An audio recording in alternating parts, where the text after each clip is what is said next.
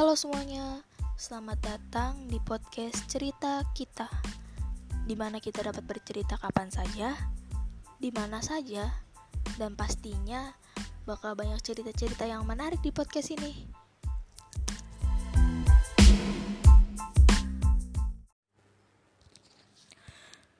Di saat-saat terpelik, aku merasa tak mampu untuk melanjutkan hidup. Kupikir berat melalui hari-hari tanpamu. Begitu banyak sakit yang diderita, dan air mata tak pernah lagi bisa ditahan.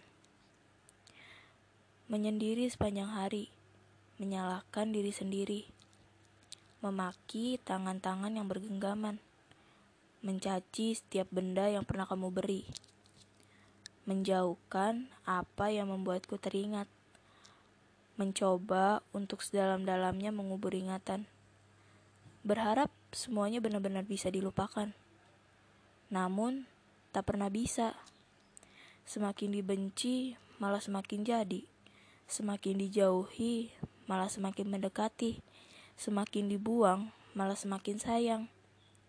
Lalu aku mulai kehabisan cara, dan akhirnya apa pun tentangmu, ku terima. Perihal peninggalan, dan kesedihan-kesedihan itu. Entah bagaimana waktu bekerja, entah pula apa yang menguatkan.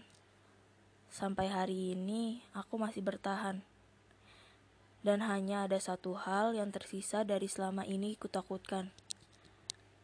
Ternyata sedih saat lebih sedih saat ditinggalkan tidaklah lebih sedih ketimbang saat akhirnya aku mulai menyadari bahwa cinta yang selama ini kupertahankan akan menghilang.